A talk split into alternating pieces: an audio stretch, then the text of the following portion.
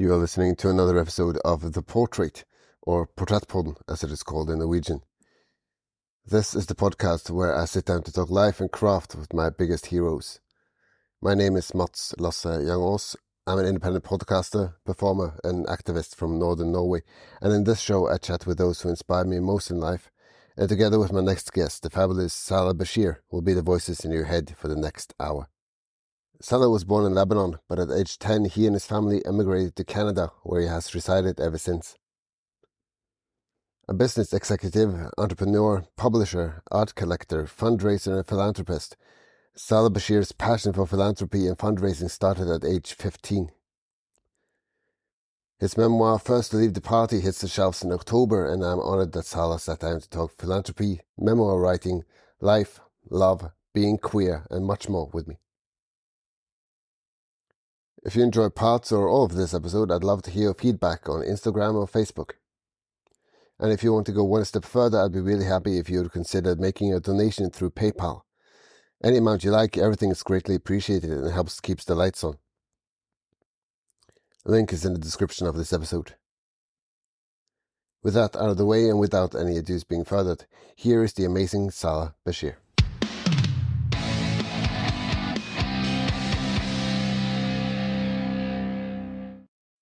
Ladies and germs and everyone in between, you have reached another episode of The Portrait, where I talk to my greatest heroes, those who inspire me, who makes me think, and helps me better understand the world I'm living in. My name is Mats Lasse and my next guest is an entrepreneur, philanthropist, activist, and an icon. Uh, the queer son of, of Lebanese immigrants to Canada, nothing in this man's life is boring or static. If he sees something that needs changing, he changes it and his memoir entitled First to Leave the Party is due to be released this fall by Penguin Random House. But as Pearls maketh the man, I am honored to say that Mr. Salah Bachir joins me today. Mr. Bachir, how are you? Wait, but call me Salah, but thank you for having me. I'm very honored to be. I've never done a podcast before, so you're my first. Oh, well, I, I'm I'm I'm honored. Uh, thank um, you. I'll try to make sure that it's a it's a, a pleasant experience at least. Well then, uh, Salah, um, your uh, your memoir uh, is uh, hitting the shelves in October, um, and uh, this this might be a, a, personal question, so so feel free to to um, uh, tell me to mind my own business. But as far as I'm aware, this is the first. at least the first non-fiction book to include pronouns what, what, was the, the, the importance uh, behind that decision on your part? Well, I had not seen it before, and I, I thought the more we use it, the more people get comfortable using it, normalize it. Um, mm. I have a lot of friends who are trans and non-binary, and it's also a courtesy. People will see me with all these jewels and the name like Salah. I've gotten, you know, even people I've given money to or donated to will say, you say Ms you know, as a thank you letter or something. But hmm. here I am on the cover of the book um, with all kinds of jewelry and makeup on, and uh, it's a courtesy that I identify as he, him, and uh, um, and it. I, I think people, the more they use it, the more it gives everybody not normalcy to use it, mm. especially the climate going on in the world today, and yeah. you know. Yeah, there's there's a lot of uh, uh, well, there's a lot of uh, discussion on, on both ends of that uh, spectrum, as uh, I suppose. But I, uh, but I know, but if people who aren't affected by it, like if people who have nothing to gain or lose by it, like a J.K. Rowling, why don't just keep her fucking mouth shut?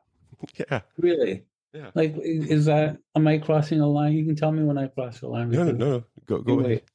Like, I mean, it's causing people violence. It, it's, uh, it, it's it it's hurtful it's unnecessary and if you don't you know that whole argument that if you don't menstruate then you're not a woman so mm-hmm. what happens before you menstruate or after you menstruate you stop becoming a woman apparently I, mean, I guess so yeah. anyway i went off topic well well what do I know about uh, be, being being a woman? So I, I won't dare presume anything. Uh, but uh, I, I, well, I, I never presume anything about about my guests, uh, let alone the the pronouns. Uh, mostly because I or at least to, to me, and, and I'll, I'll, try to phrase this as, as respectfully as I can, so not to be misunderstood, but uh, I, I, I, I, really don't put that much uh, importance into uh, uh, how, how people identify as, as, as long as they're kind and courteous to me and they're not hurting anyone, then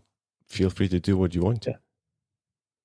Yeah, agreed. And then they could, I, you know, giving them that comfort to identify and tell you that I'm a they, I'm a she, I'm a he, I'm, you know, I'm non-binary. It, I mean, that's a comfort, that's a courtesy, a, neighborly thing to people. Yep. You know, even on calls like this, and you know, and on phone calls, you know, somebody should tell you beside their name, I'm so and so, and identify as, you know, he, him, hmm. kind of thing. And, and well, you, you uh, mentioned it. Uh, might, uh, as well uh, pick it up. You, uh, the the the cover of your uh, memoir is a fabulous photo of, of yourself adorned in in pearls and and makeup. The sort of visual that most people are maybe used to seeing you. Uh, but I want to pick up on on the title uh, to start off with. Uh, first, to leave the party. is is there a, a sort of uh, is there a, a, a, bashful side or a, or a shy side to, to Salah that uh, is alluded to in that title? Well, I mean, there's always a shy side to a lot, a lot of people. I, I think people are out there who aren't there. There is uh, shyness to it. But first, to leave the party is was a. You know, I've seen too many friends who stay too long at the party, who get mm. drunk, and certain things happen, and somebody calls a party for a certain time, eh, you know, that's the time. It, it's a safety issue as well, um, being having many um, different, um, you know, staying too long and during the AIDS time or getting getting sloshed or um, having different addictions, whether it's sex or other addictions. So it, it's just a, a survival method in a way um, I've stayed too long at too many parties, and so I just thought this time would be like first to leave the party. And uh, I, I, was well, uh, uh, haven't uh, read your your memoir yet, as it is uh, not out yet, uh, obviously. But um, what I've read about it, let's say that it's it's a it's a story that would well, it's, it's a life story that would fit at least uh, three or four uh, additional books, uh, enough to uh, have several lifetimes over. Um, I won't pry too much in, into into your, your, your personal life, but but at least uh, it it's it seems from the outside looking in, it seems like a uh, like a life that is blessed with both adventure and opportunities, and and of course also a lot of uh, powerful and influential friends along the way? I, I think at the core of, of the book is uh, my parents who were immigrants from Lebanon, and you know, and being gay and Arab, and, mm. and growing up and having an accepting family. I mean, most people did not have the experiences I had when I came out to my parents. You know, my dad said, "Don't tell your mom because she won't get it. And I told him I already told mom. And he said, Why would you tell her first when I'm your best friend? So it was never the only thing my mom ever said to me is, I want you to have a child who would be half as good to you as you have been to us. And there's nothing, there was nothing, you know, yeah, you know, I get teary eyed about it too. Um, there was never any, you know, don't wear that, don't wear this. I was always with you know, we did galas and we did fundraisers. And so no matter who it was, like, you know, Marlon Brando coming over the barbecue in the backyard, mm-hmm. I was the star, it wasn't Marlon Brando. You know, um, my mom making Lebanese food for Ella Fitzgerald. It was it was all about here's some for you as well. You know, I'm making some of your favorites, including what she wanted. Mm. So I, I think the book is telling my story as an immigrant coming to Canada and a, a lot of different racism. Um, more not as much as someone who uh, is physically, you know, um, I, I look white, olive white kind of thing, but not someone who's a person of color. but still being gay and being from a culture that's been vilified in the sense that we're all terrorists and um, you know, and how do you identify? How do you fit in? And um, so the book is told through famous friends, but slowly my story comes out in it. Uh, your uh, uh, your family uh, came to Canada in 1965. Uh, what sort of, uh, I suppose,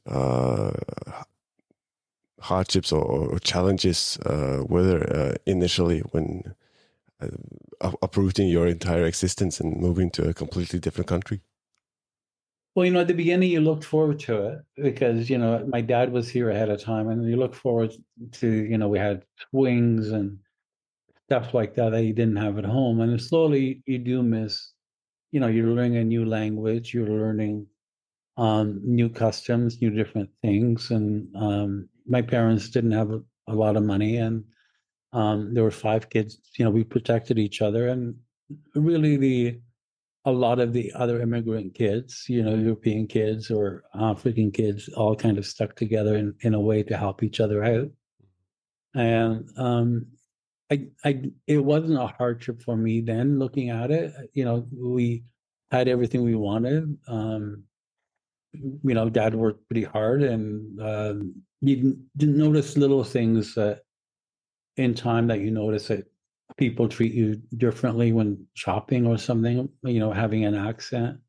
Even though my mom spoke three languages, you know, she spoke quietly. Somebody say something to her speak in English when she was speaking in English. And so little things that you learn and they toughen you. They all make you who you are today, kind of thing. And it's like I didn't want to my name shortened from Salah to Sal. I didn't want any changes or you know like that. I was proud of my name and I wanted to stick up to it. And so, fact that I, you know, um, that that's a strength that I think you want to keep your heritage, you want to keep who you are, and you want to come out as you know early as possible because I didn't want to live a lie either. So,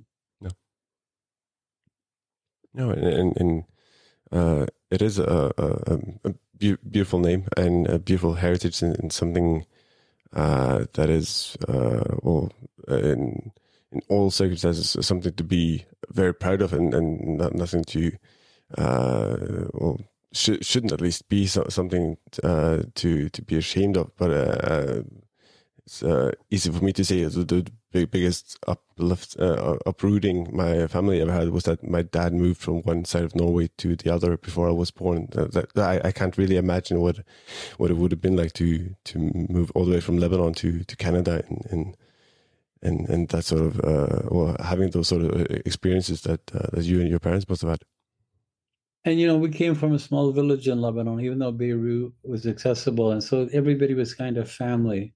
Mm. And you, know, you have to remember the portrayal in movies and other things of Arabs have always been terrorists, or yeah. you know, um, I, I, think the first person I saw, like I I wanted to meet uh, Omar Sharif because the first time I saw Lawrence of Arabia, it was the first time like an Arab was playing an Arab, mm. and um, and then to learn later in life that Lawrence of Arabia is really um, that the filmmaker had intended it to be almost like a gay love story.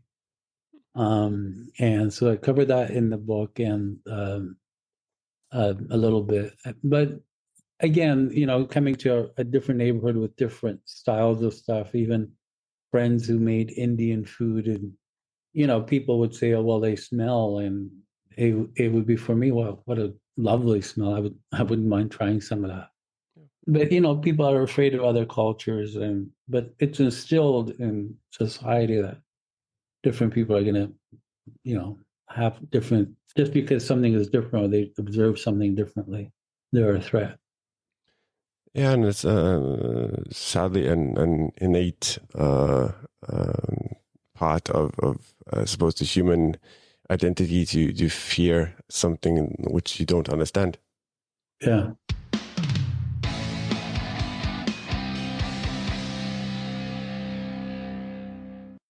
by the way, you look great in those pearls. Thank you very much. Thank try to uh, at least uh, at least look the part uh, when when I when I have you on, uh, if if if nothing else. Um, thank you. Thank you. Uh, and uh, well, as I said in the introduction, so eloquently, this is a show where I, I, invite my my biggest heroes and sources of inspiration on. Juuso absolutely being one of them. Um, Thank you very much. Oh, you're, you're welcome, and I'm I'm just re- really really honored uh, that you uh, agreed to to uh, share of uh, of your time to to join me here today. Um, if we, if we stay a bit bit longer on on the uh, memoir uh, writing, are you nervous? Uh, not no not more more than usual. you don't need to be nervous. Okay. No, a, a, wee bit of a stammer. I'm trying to hide it. okay. Stammer fine. Everything's good. Good. All right. Take two. uh, staying on the subject of your your memoir, um, writing such a such a, a piece of of of, of uh, uh, nonfiction, writing your your own life story. Um, I suppose it leaves leaves room for a lot of uh, objective self reflection. So, uh, what has been the biggest uh, moments uh, looking back where you go, "Oh, that's completely different to the way I remember it or imagine it being," for example? You know, I, the I wrote it with a friend who I've known for about forty years, and um, I wrote it during a time where I was going through some life issues changing what to do or not to do and after covid and some health issues and she knew me better than and so i was writing it more very coldly at the beginning the first thing would be so i did this and that with that person. And she would say well no i knew you guys were a couple so are you going to cover that and i'm not going to let this go i'm sending it back to you i'm not editing this so she slowly drew stuff out where I was af- not afraid, but didn't really want to say it. And then to a point where I got it to where with I wanted to be. It's not gossipy. I never in all our magazines we published, we never covered gossip. It, it's your business who you sleep with or what you do. Not nobody and we never did criticism of film. So you might like science fiction, I may not we told we'll tell you what's what is in the film that would attract you. So the, the book is it's almost like a a little bit of a it's it's written almost like a magazine article, a moment in time that happened, and um, it covers a couple of affairs I had, but doesn't go into any details like anything mm-hmm. more than that. No, as opposed to to your point, well, uh, would you choose to do uh, and who you choose to do it with that that's that's your business not mine yeah exactly yep. don't tell me about it endlessly over dinner yeah unless i explicitly explicitly ask then then you, you have no reason to tell me yeah, yeah. And uh, i won't explicitly ask so you you have no reason to tell me i'm okay um uh, uh, most people uh, uh, recognizing your your name might uh, automatically think about the, the philanthropy, the, the, the millions upon millions of dollars you, you raised for for different causes close to your heart. this, if my research is correct, this started way back when you were fifteen. Yeah, I mean, probably fifteen. Yeah, I boycott. I supported the United Farm Workers. Mm.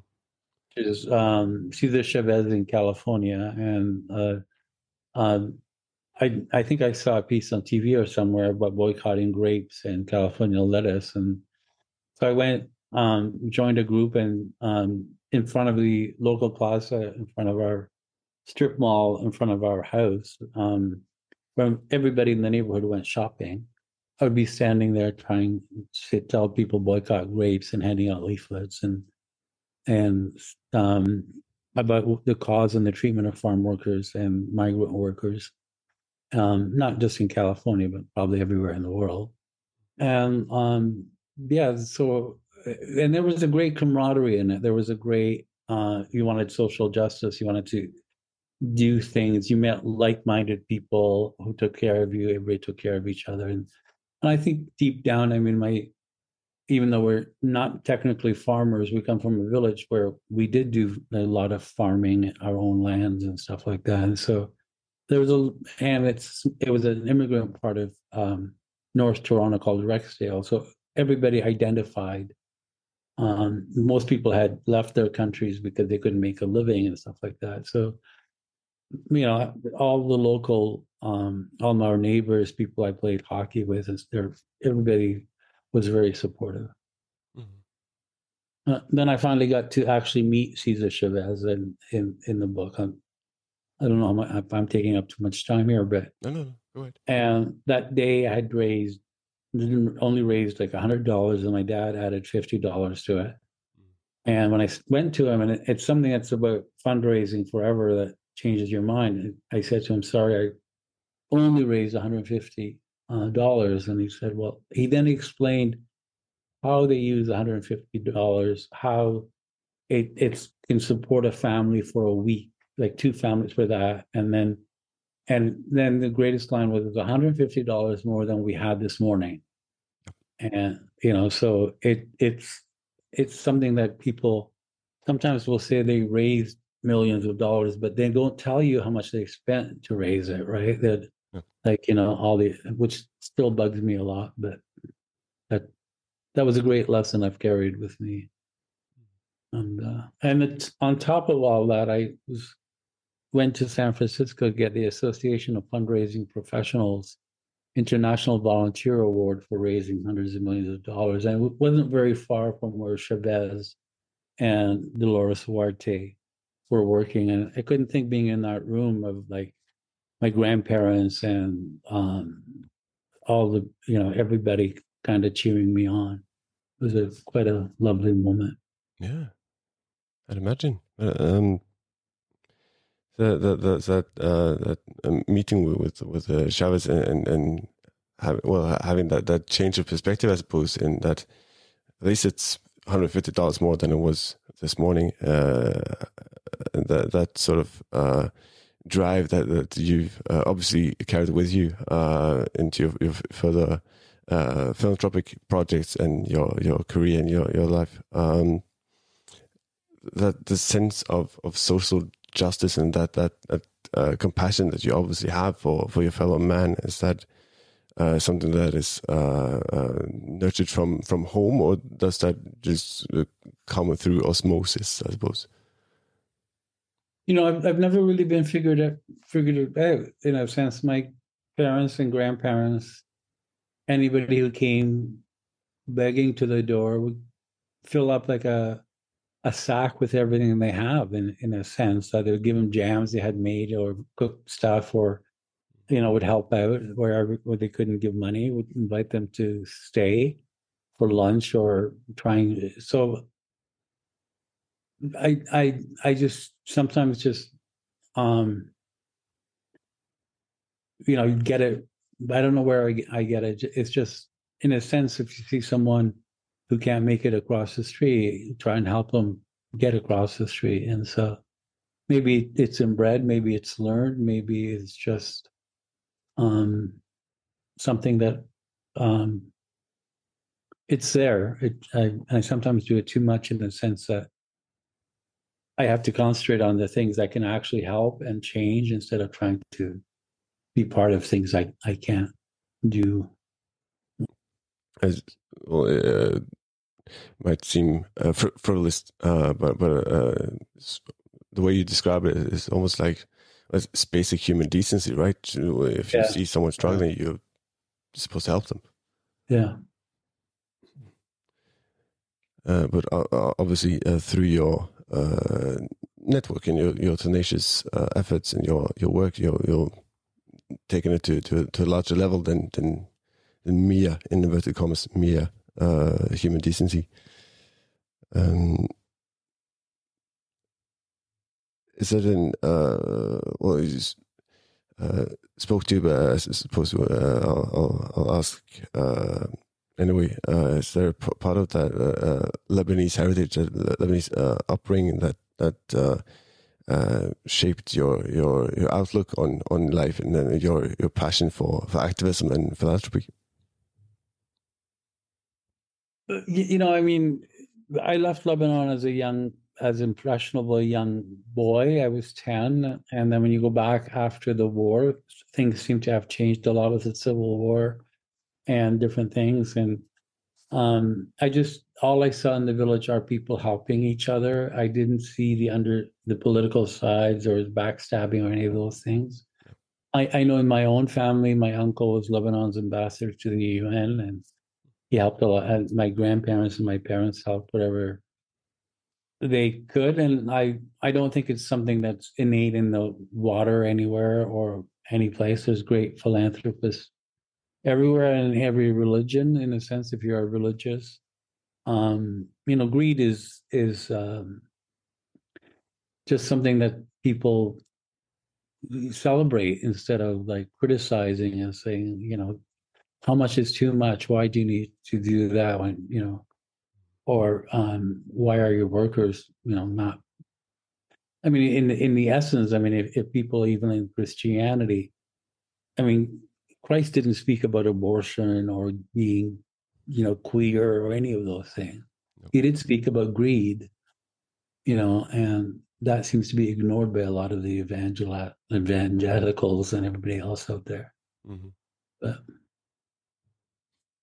yeah, well, I'm I'm not personally a Christian uh, anymore, but uh, uh, at least uh, the, the the few times I've, I've read the Bible, uh, I've never seen any reference to to people uh, killing each other over ca- capital and be, yeah, well, yeah backstabbing and, and all the like. So mm. I suppose in I suppose in, in, all religions, some some texts can be misconstrued and and uh, yeah. Uh, understood uh, to have any sort of uh, implication and and and um, purpose, I suppose. Yeah. yeah. There are um, a lot of things go, going on in the world that that is uh, terrible and and frightening, and the world in, in itself is a, is a very cold cold and dark place. At least it, it's turned that way. Um, is there uh, I suppose this is a bit bit too big of a question, but uh, uh, is there a cost, uh, like a, a, personal or emotional cost to to being an uh, and such an avid uh, activist and, and, being so so vocal about important issues? Um, I'm sure there is. I haven't really felt it. I've gone through a lot of stuff, and hmm. I'm, you know, um, it, it's not necessarily to say that I don't need to comment about everything. I pick my battles and pick, you know, my allies and try and um, change what we can on on an issue. And um, you know, it, there is great, there is um, unity if you have a united front over an issue. I don't really you know, care what your politics are, mm-hmm. you know, and let's defeat this issue. Let's work on this issue. I mean, somebody could be, you know, Marxist. Somebody could be like, I'm, I wouldn't go with right. You know, a lot of Republicans um, aren't necessarily the Trump kind of Republicans in the U.S. There was a lot of progressive Republicans before, and and I think so. We try and unite people on an issue, and what can we do about it? How can we change it? And so and you work with people like that and uh, for every negative thing or every time you feel defeated i luckily have a lot of friends and supporters who will prop you up and will help you and you know um, we just did a gala for the 519 i'll send you a link actually. Mm-hmm. you might like um and we gave uh, john irving the author of the ally award. And um, john irving's novels if you see like something like according the world according to Garp. Mm. If you you know, if gay characters don't just exist, they thrive. Yeah, they they're normal. They're thriving people. They want to be like part of society, and it, it's not and I think I think that's where you know you look for different allies and people that you can work with and issue by issue, like what's going on in Uganda now, what's going on in the Arab world, um, everywhere. So I, I think it's important that um, you keep the strength and you keep moving forward. And um, there's it'll change. Things do change. a lot of things have changed, and sometimes they go back, and sometimes they swing back. So you can't give up. Yeah.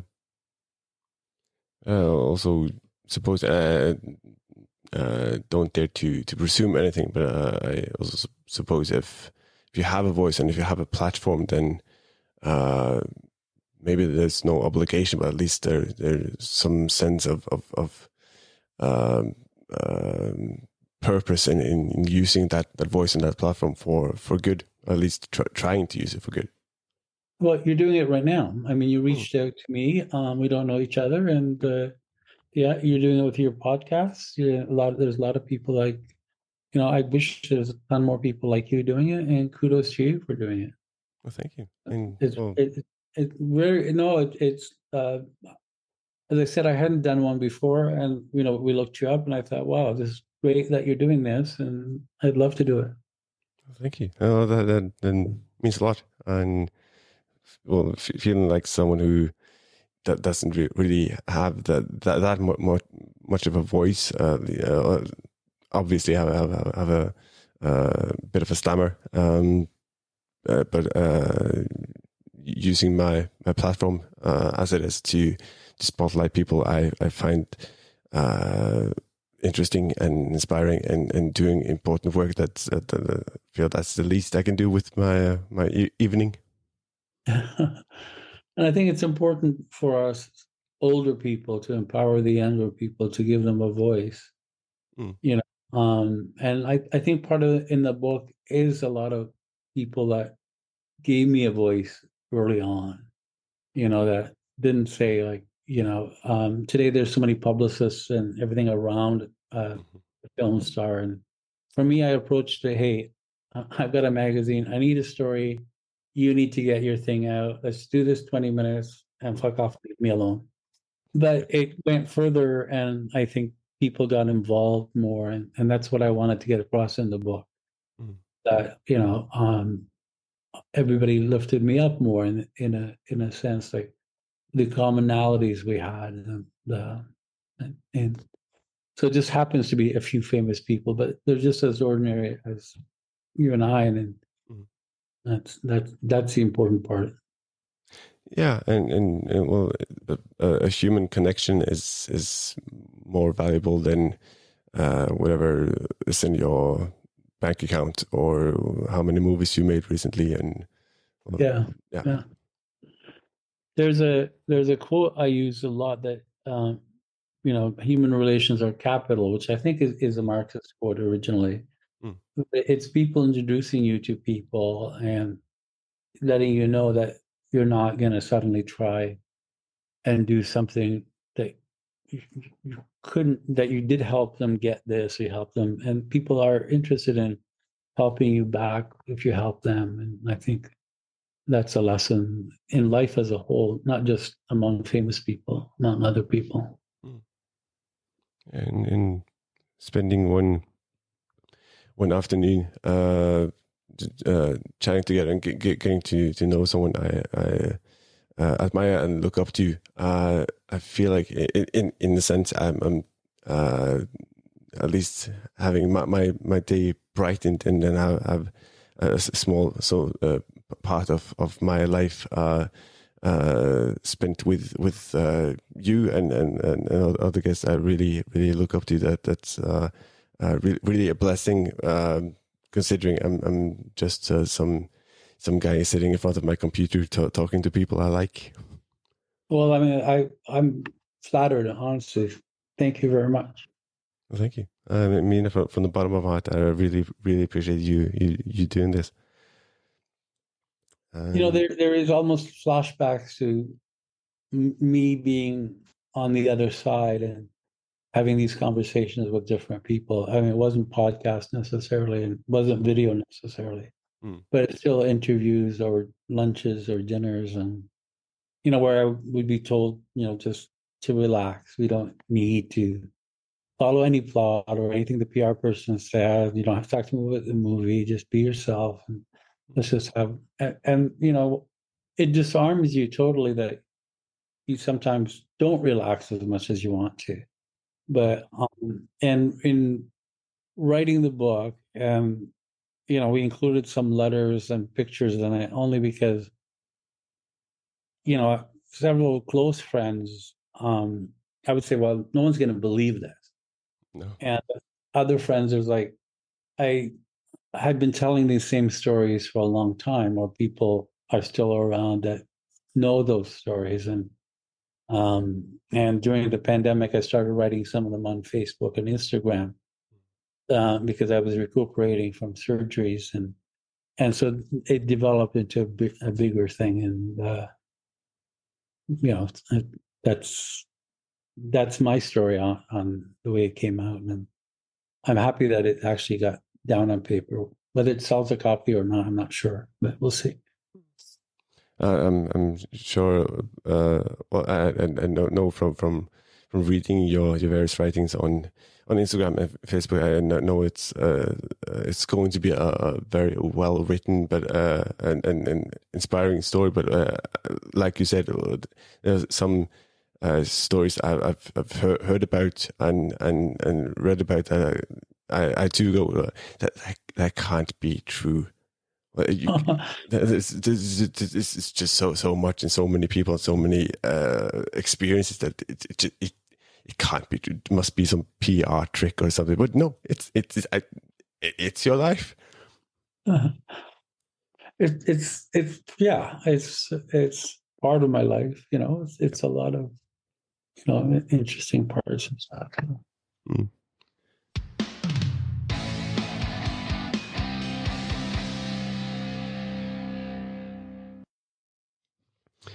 mm. Uh, besides uh, writing the the book, uh, what what is um, so the greatest source of, of inspiration uh, and uh, well, your your greatest source of, of strength in in your day to day life without going too too personal uh, into it. Well, I've got a very supportive husband. Um, I've got a very supportive um, uh, people around me. Um, I have a dog that uh, nags me a lot when I'm on the phone too long. Um, but no, I, I, and you surround yourself with, you try, you try and get rid of needy, negative people in your life.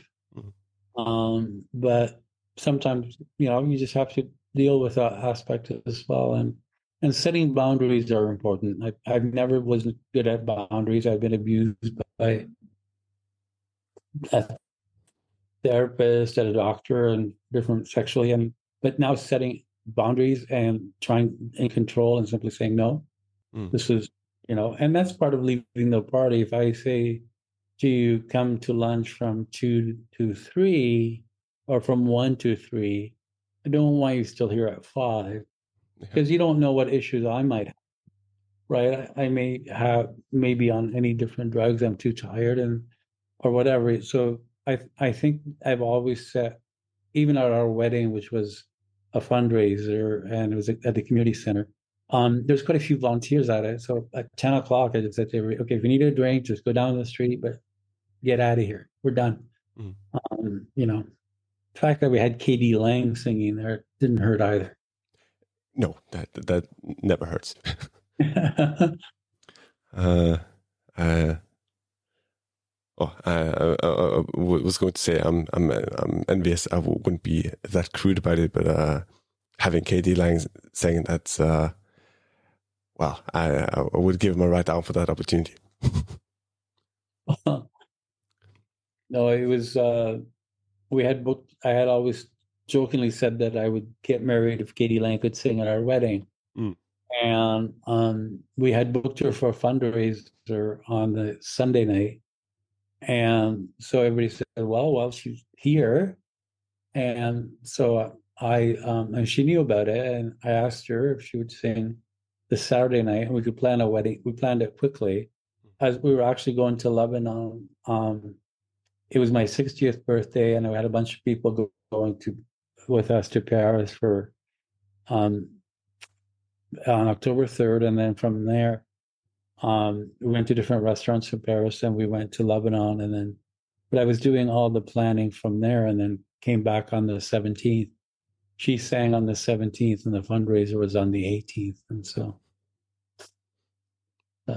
oh, there you go. and I had to do dialysis on the on the 19th. There was still dialysis, so it, but it, it was worth. It was all worth it. Excuse me.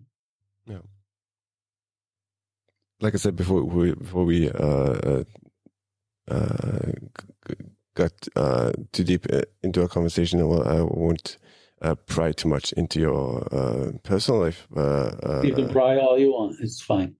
Okay.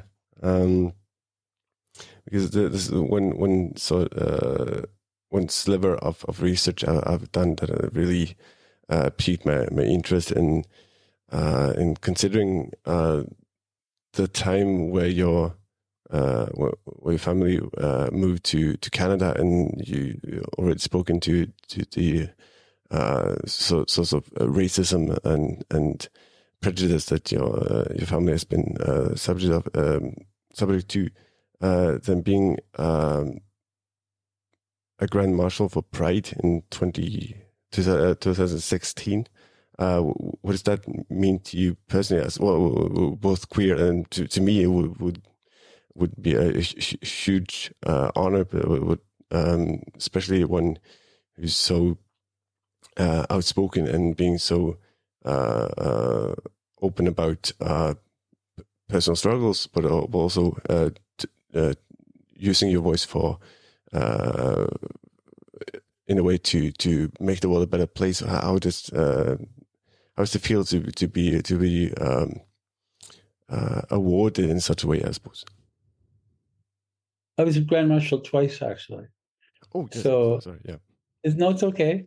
So the the first time um, we did a flow, and um, it was when different um, leaders in the Arab world are saying that there's we don't have any gays in in Iran or somewhere in the Arab world. So my first flow I was we pounded um, and most people don't do a flow. Most people have a cars, but we decided to do a full flow. And we had done a full flow when I for our business every time.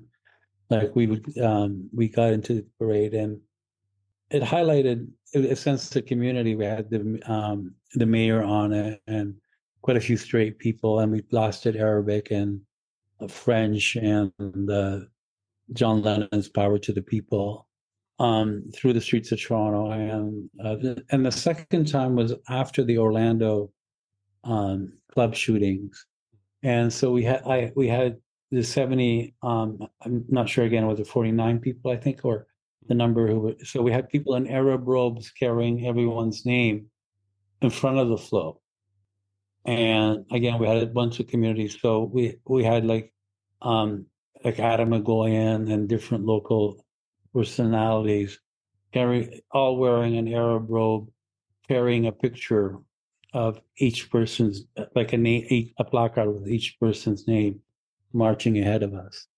And that was very powerful, a, a powerful uh, moment for me, and that was I think the 25th anniversary of Pride here.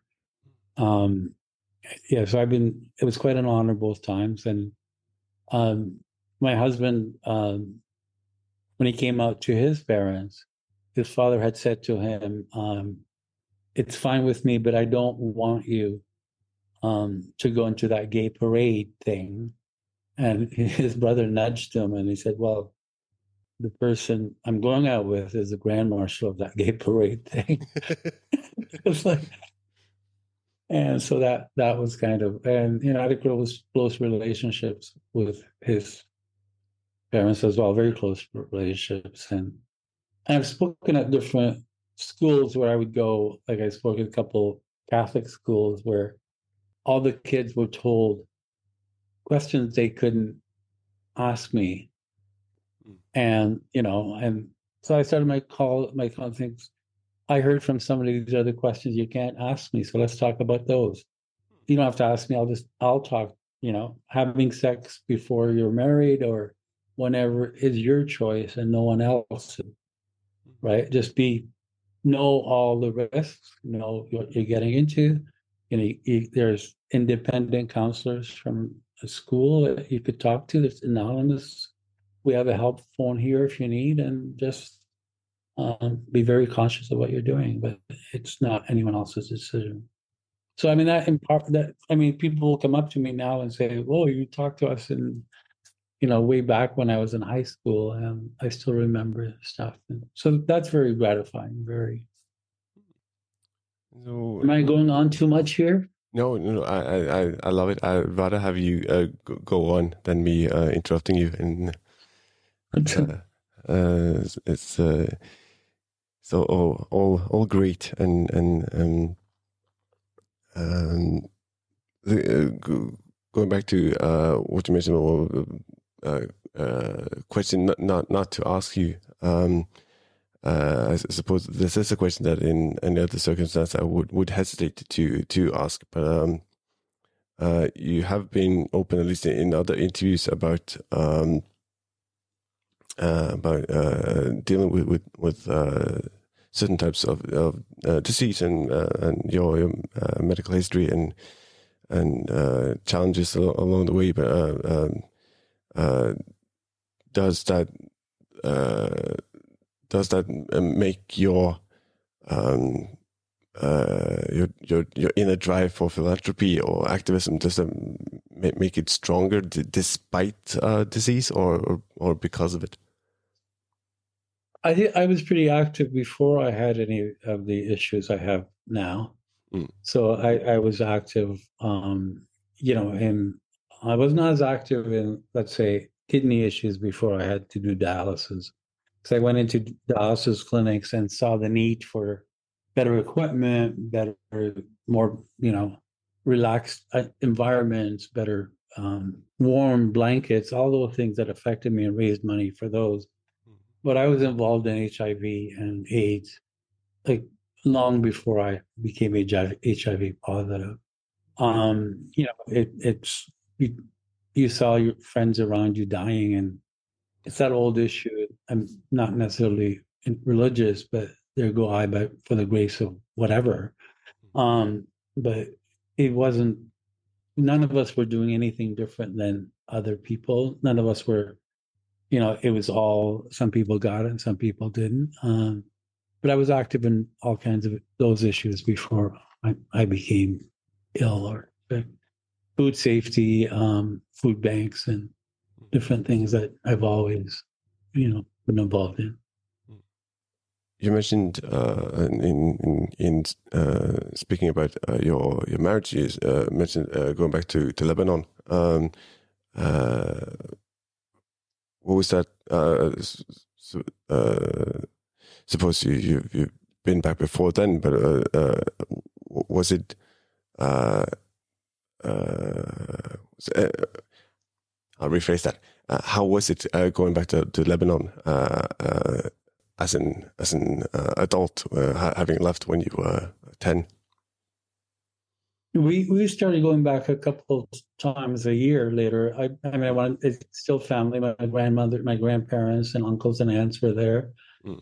um, and I always enjoy taking people with me to Lebanon and um, you know showing them around and it, it, it's always you know it, it was a sense of going back home to an extent. I mean you have several homes and it's you know just uh, and rediscovering it and you know you learn again to edit people that you think are you know aren't accepting or are going to be critical or going to be whatever and um, i didn't worry i i was very focused on um, empowering people i thought needed help and cutting out people who were critical of things i was doing so I just, you know even family um, you know, other people say, "Oh, my family stopped talking to me." I say, "Well, I've stopped talking to certain people in my family. If they don't, you know, they don't accept who I am, or they don't accept things I'm doing, or um, that's not an issue for me. Mm. That's good. At least, uh, well, yeah.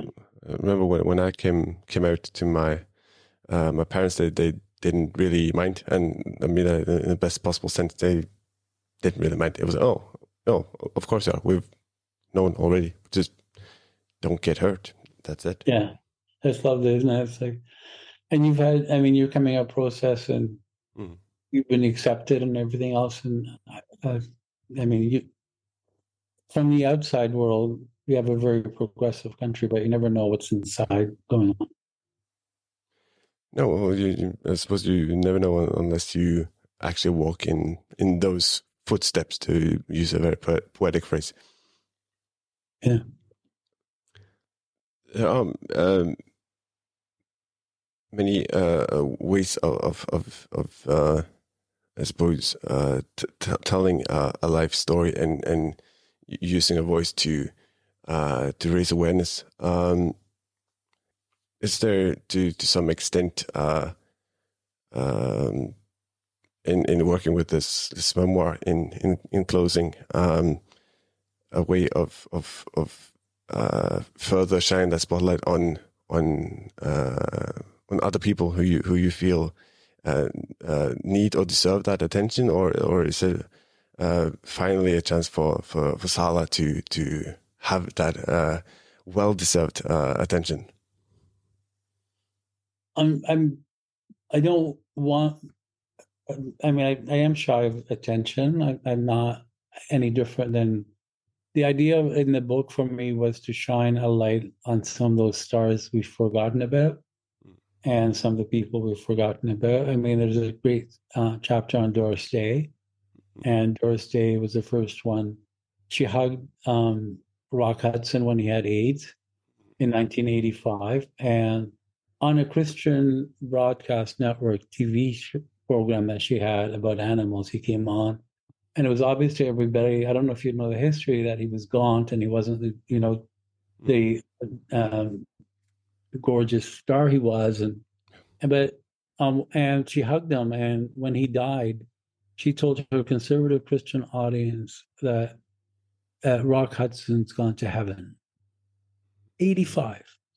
Yeah. Way before Diana touched an AIDS patient, but way be, nobody's given so people remember Doris Day as like this Hollywood image of this all-American girl who's like a virgin and blah blah blah. Which you know we all want to take people at their stereotypes, you know. And here, you know, learning, getting to know Brando, one of the hottest stars were, or Muhammad Ali for that matter. Hmm. And Muhammad Ali, you know, you think asking me whether I'm seeing anyone or why can't you adopt or if not children or so the book's about and it gives some people it calls out a couple people as well about things that people don't expect and um you know um not um, so, I mean, Jimmy Stewart, America's hero, hmm. was a Republican. He, um,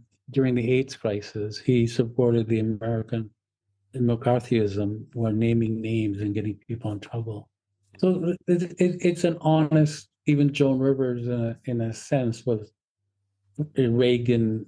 You know, she tell all these jokes. She's a friend of the communities Mm. But there was a lot a lot of the jokes that she told hurt people because of their weight, because of their appearance, because you know, if they had any so it, it's more honest that way. And the same thing I just posted about Dame Edna Everage. That's like mm. I can't, you know, I, I mean, she's a, a transphobic. She was home. She could have kept her mouth shut as well. She made all her money off of the queer community. We accepted her, we embraced her, and then, you know, so I think the book is my truth, telling you know things the way I see it, and um, and it didn't cover everybody. I, it, it wasn't like everybody I've ever met, but it, it's a story of what I wanted to get across. And in in in speaking to to you today, Salah, um, uh, further uh, uh, proof of, of what I believe these conversations, at least what I hope these conversations are, are able to to achieve is uh, what I call an an arc. Um, not to not, not to get religious here uh, at the end, but uh, an arc being an an act of random kindness and seeing your fellow man and and using your voice for for good. I've been uh, honored to to have you on, uh, Salah. It's been a, it's a, great pleasure to have you on, and uh, and I hope this uh, this first podcast of yours was uh, uh, not too terrifying. You know, um, I've not, I, I, haven't accepted any before, um, but it, it's a great honor to be on. It's great to see, um, and I don't want to sound like an old person. but to see a young, vibrant man, person doing these and being passionate about life and uh, good for you. Yeah. i'm very proud and hopefully we'll meet one day either in norway or canada or maybe paris or new york or whatever. Yeah uh, i look forward to that all, all, already. All right. Thank you very much again. Thank you You've been listening to another episode of The Portrait, or Portrettpodden as it is called in Norwegian. And my guest at this time was the amazing Salah Bachir. His memoir, First to Leave the Party, hits the shelves in October. Be sure to pre-order it when you can.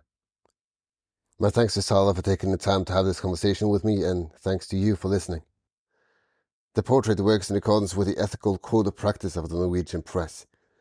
Remember to share this episode with a friend, and don't forget that you can support the work that goes into each and every episode of this show by donating through PayPal. Link is in the description of this episode.